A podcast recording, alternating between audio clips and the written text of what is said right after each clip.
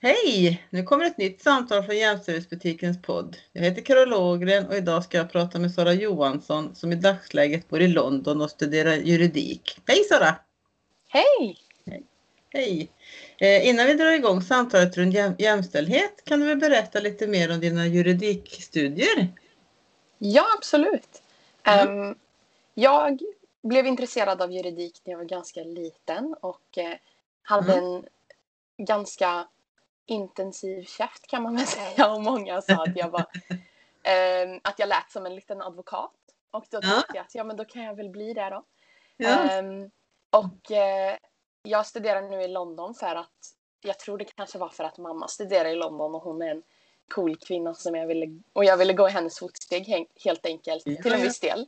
Ja. Ehm, sen så är London en häftig stad också så jag har hamnat här, pluggar här och eh, har njutit av London och juridiken i fyra år nu. Åh, vad häftigt! Men hon studerar inte juridik eller? Nej, hon studerade konst. Ja. Ehm, Mm. Och det vill jag inte göra. Nej. jag fick härma henne på andra sätt. Ja. Men vad kom det, det där att du blev, ville bli advokat så tidigt? Vet du det då liksom varför du var intresserad? Hade du någon... Ehm, jag har alltid varit intresserad av ehm, frågor som har med politik och även jämställdhet och sådana saker att göra. Och Mm. jag tyckte att eh, juridiken var en intressant väg att gå för att applicera lite mer problem och, och kunna hitta lösningar Mm. på ett sätt som inte var så diplomatiskt och politiskt hela tiden utan det fanns vissa regler att hålla sig inom. Mm. Ehm, och på så sätt lösa problem som är relevanta för samhället och världen ehm, Mm. på vad jag upplever som ganska konkreta sätt. Ehm, Ja. eh, för nu i alla fall. Ja, ja men vad spännande. Eh, ja, du har ju redan berättat i stort sett hur det kom det sig att du blev intresserad av juridik och, och Ja. studerade utomlands, utomlands i London. Ja. Eh, men är Ja. det något mer du vill tillägga här på de här de frågorna? Ehm, jag kan ju nästan börja med Mm. eh, hur jämställdhetsfrågan liksom har varit en stor grej både i, inom juridiken och det kan jag spåna lite mer på men just det här med studeringen utomlands. Jag tror att det är en ganska intressant bild ehm, speciellt från ett ganska ungt perspektiv och från ett liksom, jämställdhetsperspektiv från andra länder. Vilket Mm. är att även innan London så bodde jag i Singapore och pluggade där.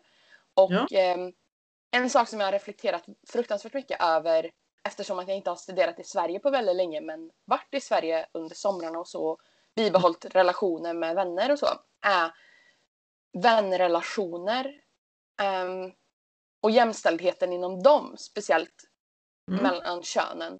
Och att i Sverige så har det varit väldigt enkelt att skapa relationer med pojkar och män som är vänskapsrelationer och inte, som inte ifrågasätts som någonting annat hela tiden. Medan både i Singapore och London, och jag tror det har med en jämställdhetsfråga att göra och en viss respekt mellan könen som existerar som en basis i kulturen. Mm. Ehm, för att jag upplever att på båda ställen så har man kommit in i ett rum och setts som intressant tills män i rummet får reda på om man är i en relation eller singel. Och då Mm. om man är i en relation så läggs ingen mer energi på att liksom eh, försöka lära känna en eller sådana saker.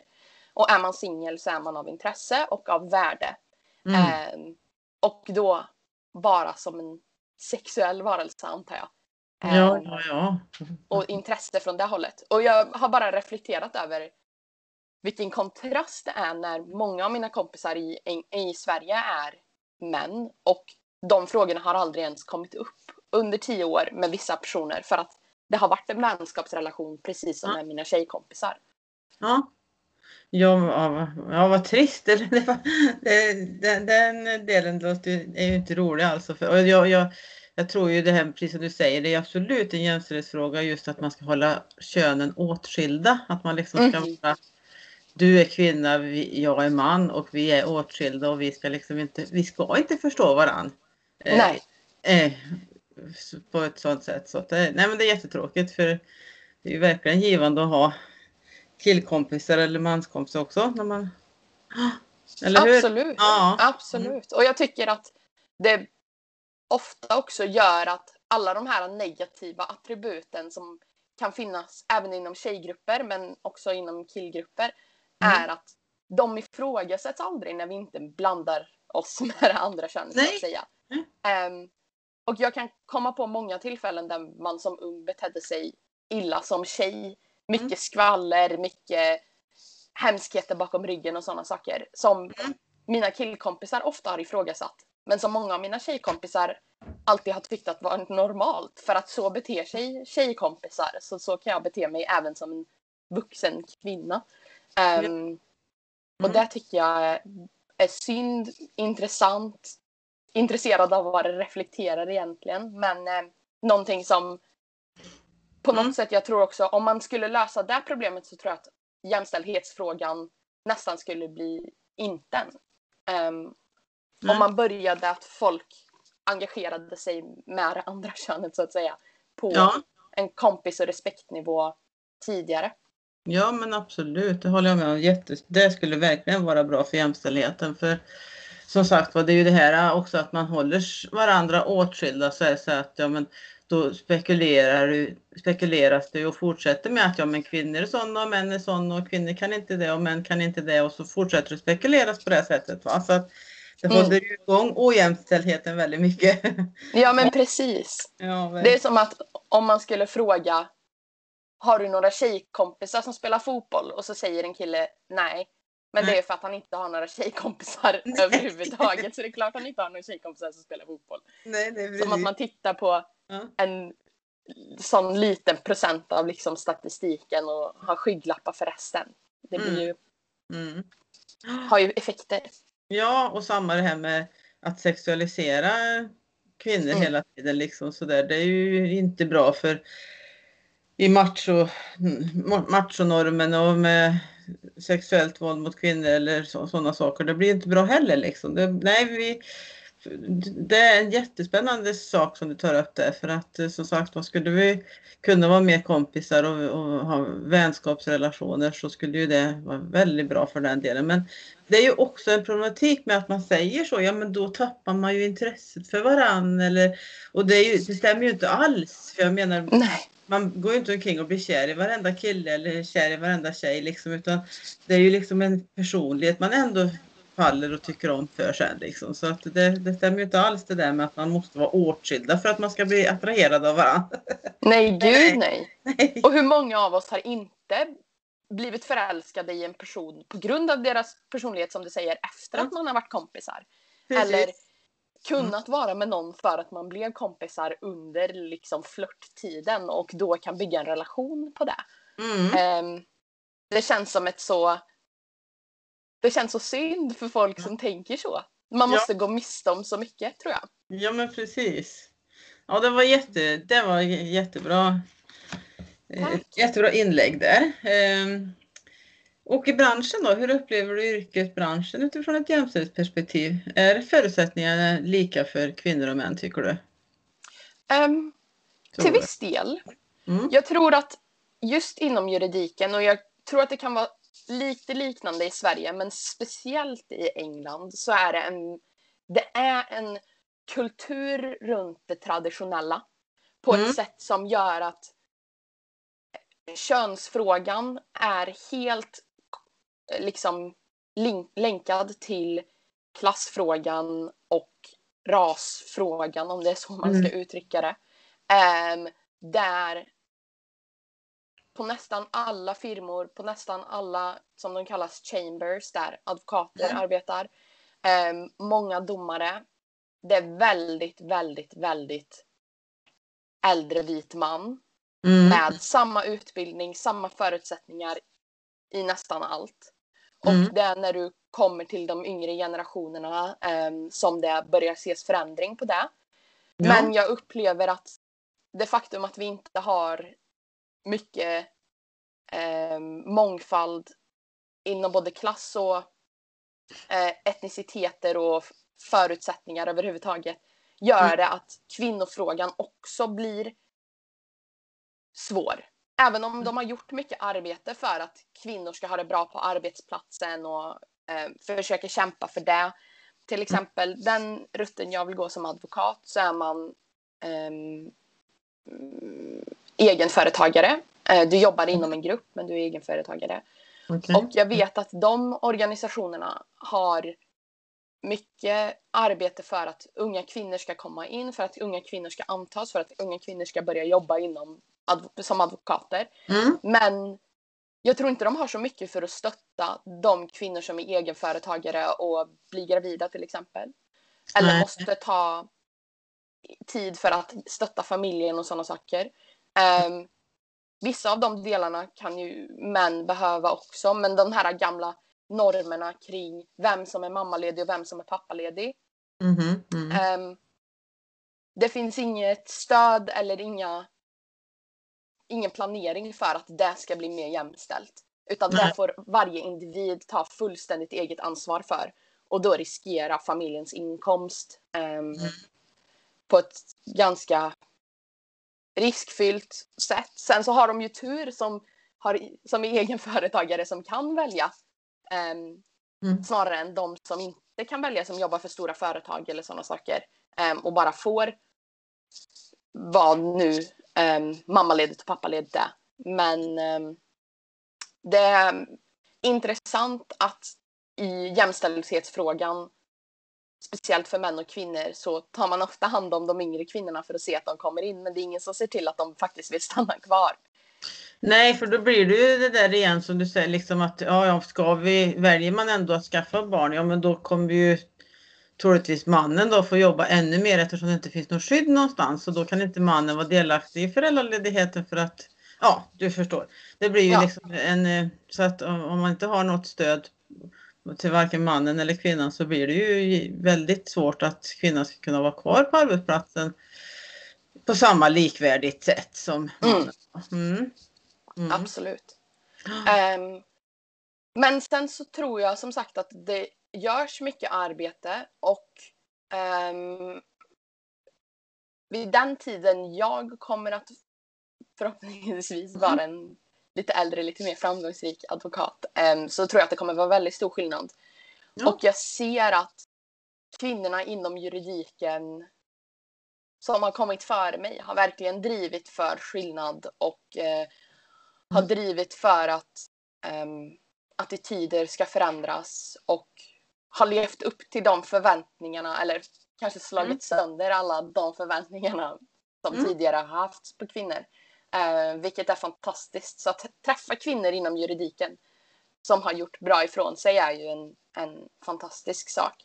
Men mm. um, nu när jag tänker på det så kommer jag även på exempel som att när jag har varit på stora networking-event och pratat mm. med folk som inte känner mig. Och innan, man, innan man får frågan vad vill du göra, vilket ämne inom juridiken är du intresserad av, mm. så är det många, speciellt män, mm. som har frågat om man ska gå in som kvinna då i familjerätt eller kriminalrätt.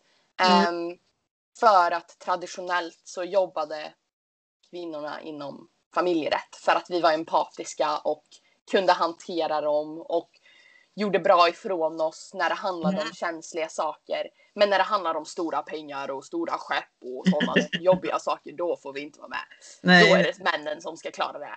Mm. Um, och det var väldigt mycket, speciellt i mitt första år. Det mm. var nästan så att jag inte ens kunde titta åt familjerätts och kriminalrättshållet um, för att jag blev så arg mm. på att folk ville att jag skulle vara där. Um, så det, det är synd, men samtidigt är det det känns inte som en systematisk sak som sen flöt in i vart vi fick plats. Det var mer individuella attityder och okay. de är jobbiga att tampas med men mm. de ignoranta människorna kommer ju finnas i varje bransch och i varje århundrade mm. tror jag på ett vis eller annat. Så det är bättre att ja. lösa de situationerna själv kan jag tänka mig. Snarare ja, ja. än ett stort problem som håller den tillbaka. Mm. Men hur ser, eh, hur ser det ut i, i branschen överhuvudtaget? Är det, är det mycket är det delat eller jämställt med kvinnor och män eller hur ser det ut? Nu, nu mm. alltså, förr var det rätt som jag menar som det ser ut nu då? Ehm, på toppen skulle jag väl kanske säga 30% kvinnor Mm. av de äldsta. Eller liksom de som har mest power så att säga. Ehm, på min nivå kanske lite högre, typ 40-45. På Mm. vissa ställen är det väl mer och vissa mindre. Ehm, så det börjar ju se bättre ut. Det Mm. börjar hända skillnad. Ehm, men som sagt, till exempel um, mänskliga rättigheter, familjerätt, kriminalrätt, mer kvinnor. Ja, okej. Eh, medans Mm. stora kommersiella internationella frågor ehm, fortfarande tyvärr mer män. Mm. Ehm, men det kan ju också ha att göra med om det skulle vara så. Det är ju en jobbigt och tråkig tråp. Men att fler... Nu tror jag inte att färre kvinnor är intresserade av pengar. Utan snarare att fler kvinn... Att färre män är intresserade av Mm. kanske de mer empatiska frågorna. Jag använder det här löst och inom citationstecken på ett lite sarkastiskt sätt. Men Mm. Ehm, det verkar så i alla fall. Eller att män kanske är rädda för att ta på sig frågor där de inte får lika mycket betalt om det är mycket press på Mm. um, män. Att de ska ha gått en juridikutbildning och komma ut med den här suits-idén om en rik man som går runt i kostymer och skriker åt folk ehm, Ja. och har så mycket kraft hela tiden och är arg på stora företag och bla bla bla. Att Mm. det är den bilden de upplever att de måste leva efter. Jag vet inte riktigt hur det står och det är säkert flera olika Mm. ehm, liksom på, eller inverkningar på dem, de typen av beslut. Eh, eller de frågorna. Men eh, Ja. jag tycker det är intressant i alla fall att det fortsätter så. ja, men verkligen. Och precis som du säger, det är ju liksom från erfarenheter och vad man blir inskjutsad i och du så ska ju göra det och du ska göra det och sådär liksom. Så att det är klart att man har eh, att det är svårt för även män att bryta förväntningar och liksom vad, vad ja, så, så att, ja, det ja, så verkligen det. Men eh, hur känner du sådär? Känner du att du får ja, visa upp mer, kämpa mer för att liksom få samma respekt eller samma liksom eh, inflytande eller som kvinna sådär eller hur, hur känner du med Jag det? tror arbetet inte supermycket. Nej. Däremot i de personliga relationerna och förhållanden. Och jag läste, jag scrollade igenom LinkedIn sen, sent igår kväll och såg tre olika inlägg från tre olika högt uppsatta advokater som pratade om att Mm. att skapa relationer och bygga relationer är minst 70% av advokatens arbete. Även om det är till domaren eller klienten. Och det är då man börjar tänka att den här ex, det extra arbetet som kvinnor gör för att se till att varenda relation, i varenda relation så är man rolig och lösgjord nog att man kan skämta och vara med i männens spelplan men också Mm. professionell nog med att man inte är ett sexuellt objekt och duktig nog på sitt jobb att man ska respekteras för arbetet och inte bara som person. Mm. Ehm, jag tror i bemötandet med människor där så gör vi en hel del extra arbete. Ehm, Och också att man ska vara snygg nog för att männen ska vilja vara runt omkring en men inte så snygg att deras fruar tycker att man är jobbig och liksom alltså det är, det är nog en Ja. ganska och det här med att traditionell klädsel, man ska ju klä sig som en man och det är enligt mansstandarden som den traditionella klädseln är till stor del. Okej. Ehm, och jag tror inte att just den delen sårar så mycket. För jag tror också att man vill klä sig i kläder som kulturellt ses som symboler för starkhet ehm, och nästan objektivitet och liksom likgiltighet inför resultatet. Utan man är bara Mm. här för att driva ett argument. Ehm, och på så sätt är uniformen av svarta liksom kostymkläder Mm. den kulturella symbolen vi har snarare än kanske en könad fråga. Mm. Men eh, just i mötet med människor så tycker jag att det är väldigt mycket extra arbete som kvinnorna gör.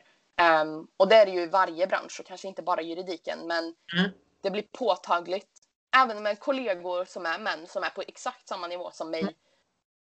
Som upplever att ja, jag har spelat golf ett par gånger så jag, mitt arbete är lätt. Mm. För att hamnar jag i en knipa eller någon, någon situation Mm. så kan jag bara föreslå att vi ska spela golf eller börja snacka om den största, senaste golfturneringen eller vad det är.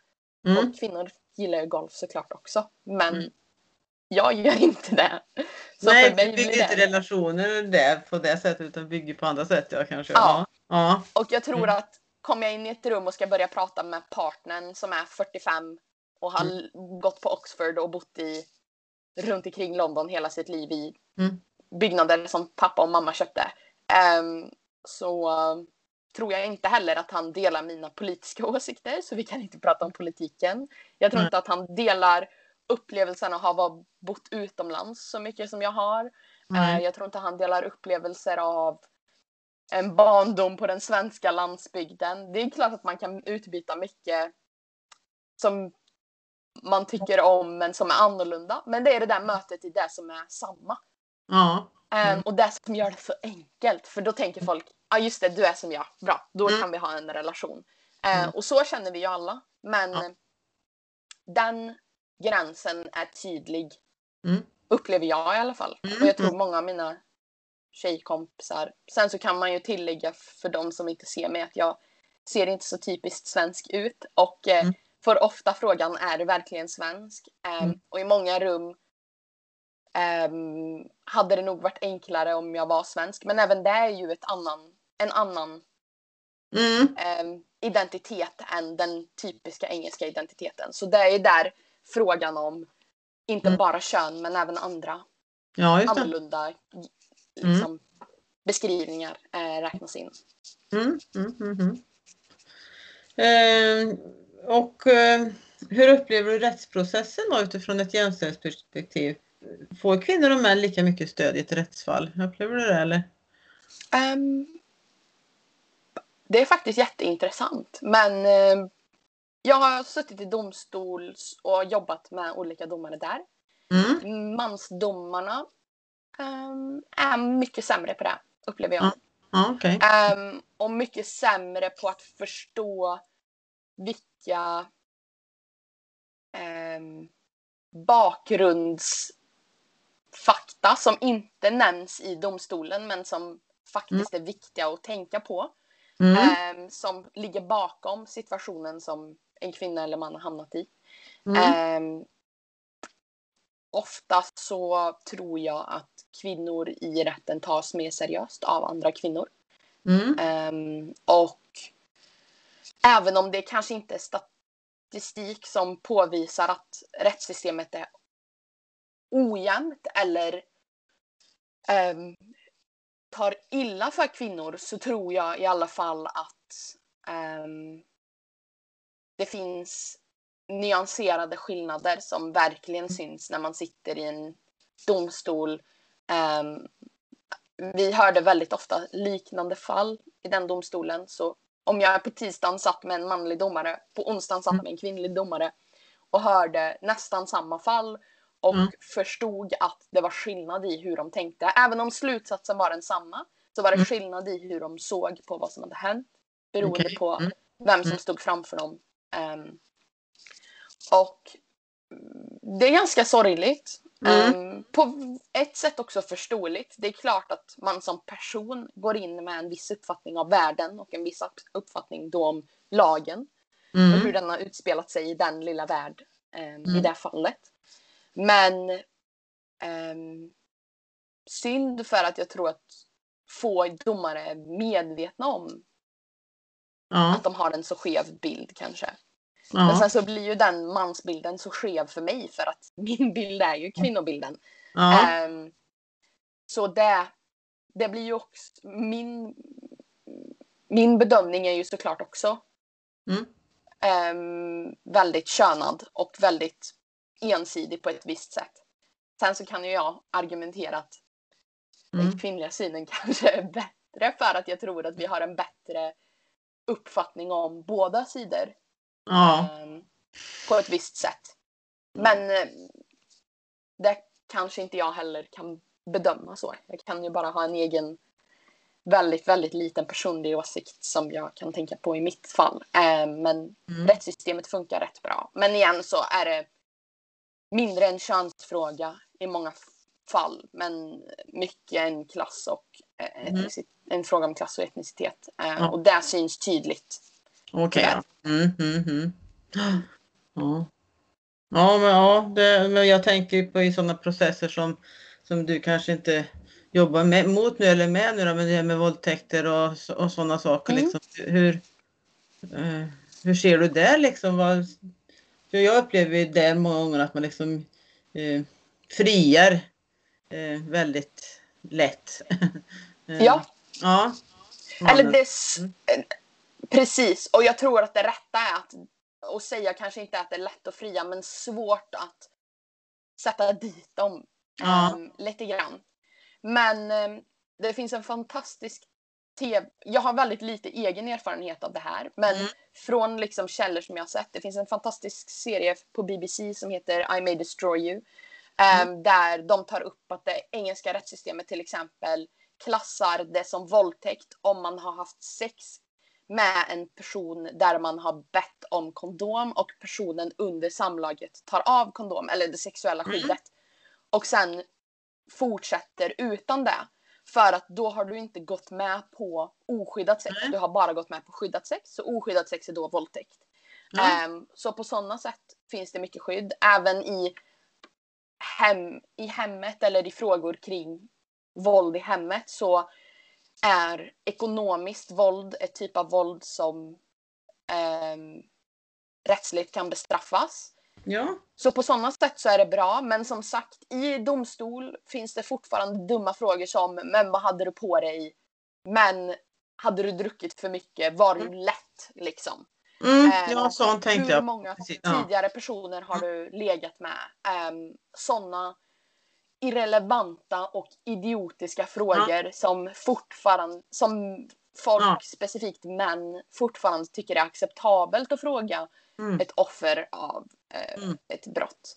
Alltså när folk blir rånade så är det inte direkt som att domaren sitter där och säger men du, va, varför gick du där? Nej, men På sent precis. på kvällen. Nej. Nej, Ja. jag skulle hem. Ja. Ah, okej. Ja, är ja, det klart att du går där. Ja, ja. Nej, nej, man, och kan man, bli rånad. nej, man får inte skylla sig själv då. Även om man är full och, varit på, och bete, liksom går i en mörk gräns så får man inte skylla sig själv då. Nej. Nej. Men, nej. men ofta Men så. inom, men mm, i brott mot kvinnor, våld mot kvinnor. ehm, och det är ju juridiskt svårare att bedöma när det handlar om relationer mellan folk som känner varandra snarare än Mm. en galen stranger som kommer upp till en på gatan mitt i natten. Eh, De brotten är mycket lättare att bedöma men Samtidigt så tycker jag att det borde finnas system för till exempel förundersökningar och intervjuer innan där man kan få en bra bild ehm, även för domaren av Mm. vad som har hänt och varför de här relationerna är så komplexa och varför vi ska se det som våld mot, mot kvinnan i fråga Mm. eller mannen i fråga snarare än han var också full så han råkade sticka in den och så blev det som det blev whoopsie Ja. daisy. Ja, precis. Mm. typ. Ja. Och förminska så mycket. Ja. Ehm, och förhoppningsvis kommer väl det med tiden men vi är verkligen inte där. I den rättsfrågan Nej. så är det problematiskt ehm, fortfarande. Mm. Eh, tyvärr så gäller det även för frågor där män eh, oftast är offren. Till exempel som i mordfrågan. Den del som jag är ganska passionerad för. Den Mm. stor, det var en stor fråga för ett par år sedan. Det kom ut ett nytt fall. De försökte förändra lagen men i princip så kan vem som helst som känner till en mördare som var i närheten när mordet begicks ses som en del av mordet och på så sätt sättas i fängelse. Och det handlar, händer oftast när det handlar om gäng ehm, mord eller sådana liknande Mm. brott eh, i ehm, jag säger inom citationstecken men invandrarområden eller låginkomstområden Mm. där ehm, communityt är länkat oavsett om man vill eller inte. Så även om du inte egentligen har något med det att göra så ses du som en brun man i samma ålder som vet vad han heter. Så då är du klassad Mm. som en en del av det mordet. Och eh, det är ett sätt att slänga massa unga bruna och svarta män i finkan eh, Ja, ja, ja. dagligen. Mm. Ehm, Mm. vilket också är jättekomplext. Och vilket också berövar ehm, unga män i det här samhället som Mm. vi lever i. Som också blir en komplex Mm. jämställdhetsfråga för att då lever ju inte de heller upp till att lära sig om ett stabilt och funktionellt samhälle utan sitter i fängelse i 10 till 15 år, släpps ut och har förmodligen samma barnsliga och hemska tankar som man kanske har som en 15-åring när man inte har lärt sig vad som är rätt och fel. Och Nej, ska då precis. Mm. ha barn och, och fru och leva i resten av samhället och förmodligen kommer att be, begå mer våldsbrott och sådana saker. Ehm, Ja, och precis som frustration och uh, orättvishet gör ju också att man liksom kanske inte tar sitt ansvar sen då, för det är ju ingen idé. Nej, precis. Och då blir det kvinnorna som blir offren igen. Ja, precis igen. Ja. Ehm, Bara en fråga till, på, även om jag vet att du inte jobbar med just den delen. Men har, är det samtyckeslag i, i England, London? Eller Storbritannien? ja. Mm. Eh, Den är lite komplex som på alla ställen, men det är samtyckeslag. Yes. Mm. Ja, bra. Ja. Men vad, vad har du eh, fördjupat dig på eller vad, vad vill du bli inom juridiken då? Um, jättespecifikt, men internationella lagar, så mycket FN-lagar och sådana saker och hur de appliceras till cyber. Ehm, så Mm. specifikt typ cyberkrig, cyber Mhm. warfare är lite bekvämare att säga för det är det jag säger jämt. Men eh, Ja. ehm, hur datorer, virus eh, och sånt appliceras i attacker mot länder. Ja, Så det kan vara från individer eller från andra länder. Ehm, okej. Spännande. väldigt intressant, väldigt eh, nytänkande och Mm. eh, väldigt, väldigt specifikt. Så det är få som är intresserade av samma sak. Men Mm. jag tycker att det, jag tror att det kommer bli en stor grej. Speciellt under corona Ja. har det varit jättestort med attacker mot länder, mot ehm, sjukhus och mot eh, banker och sånt. Ja, så Så ni har några konkreta fall alltså som... Mm. Ja, spännande. Jättemånga. Ja. Ehm, tyvärr, kanske man Ja, ska ja, säga. ja. Men, men det gör ju studien intressant. Ja. Ja, Verkligen. ja precis. Ja. Mm. ja, det låter verkligen spännande. Mm. Ehm, berätta lite utifrån dina erfarenheter hur du upplever i olika sammanhang gällande jämställdhet. Alltså jag ska säga vad, vad jag menar med jämställdhet då till Mm. lyssnaren. Det vill säga att kvinnor och män ska ha samma makt att forma samhället och sitt eget liv. Lika rättigheter, möjligheter och skyldigheter i alla väsentliga områden. Vad har du för tankar och reflektioner runt det? Nu har vi pratat mycket om det, men är det något mer som du tänker liksom i, i ditt liv eller i ditt yrke eller på något sätt så? Ja. Um, jag tror att bara generellt kanske i jämställdhetsfrågan så får jag Speciellt som en ung feminist som inte är så rädd för att uttrycka att hon är feminist. Jag har varit feminist sedan jag föddes. Jag, det fanns inget val men också ingenting jag ville välja mellan. Nu när jag har blivit äldre och reflekterar och är glad att jag väx, växte upp med både manliga och kvinnliga feminister runt omkring mig konstant. Jättebra.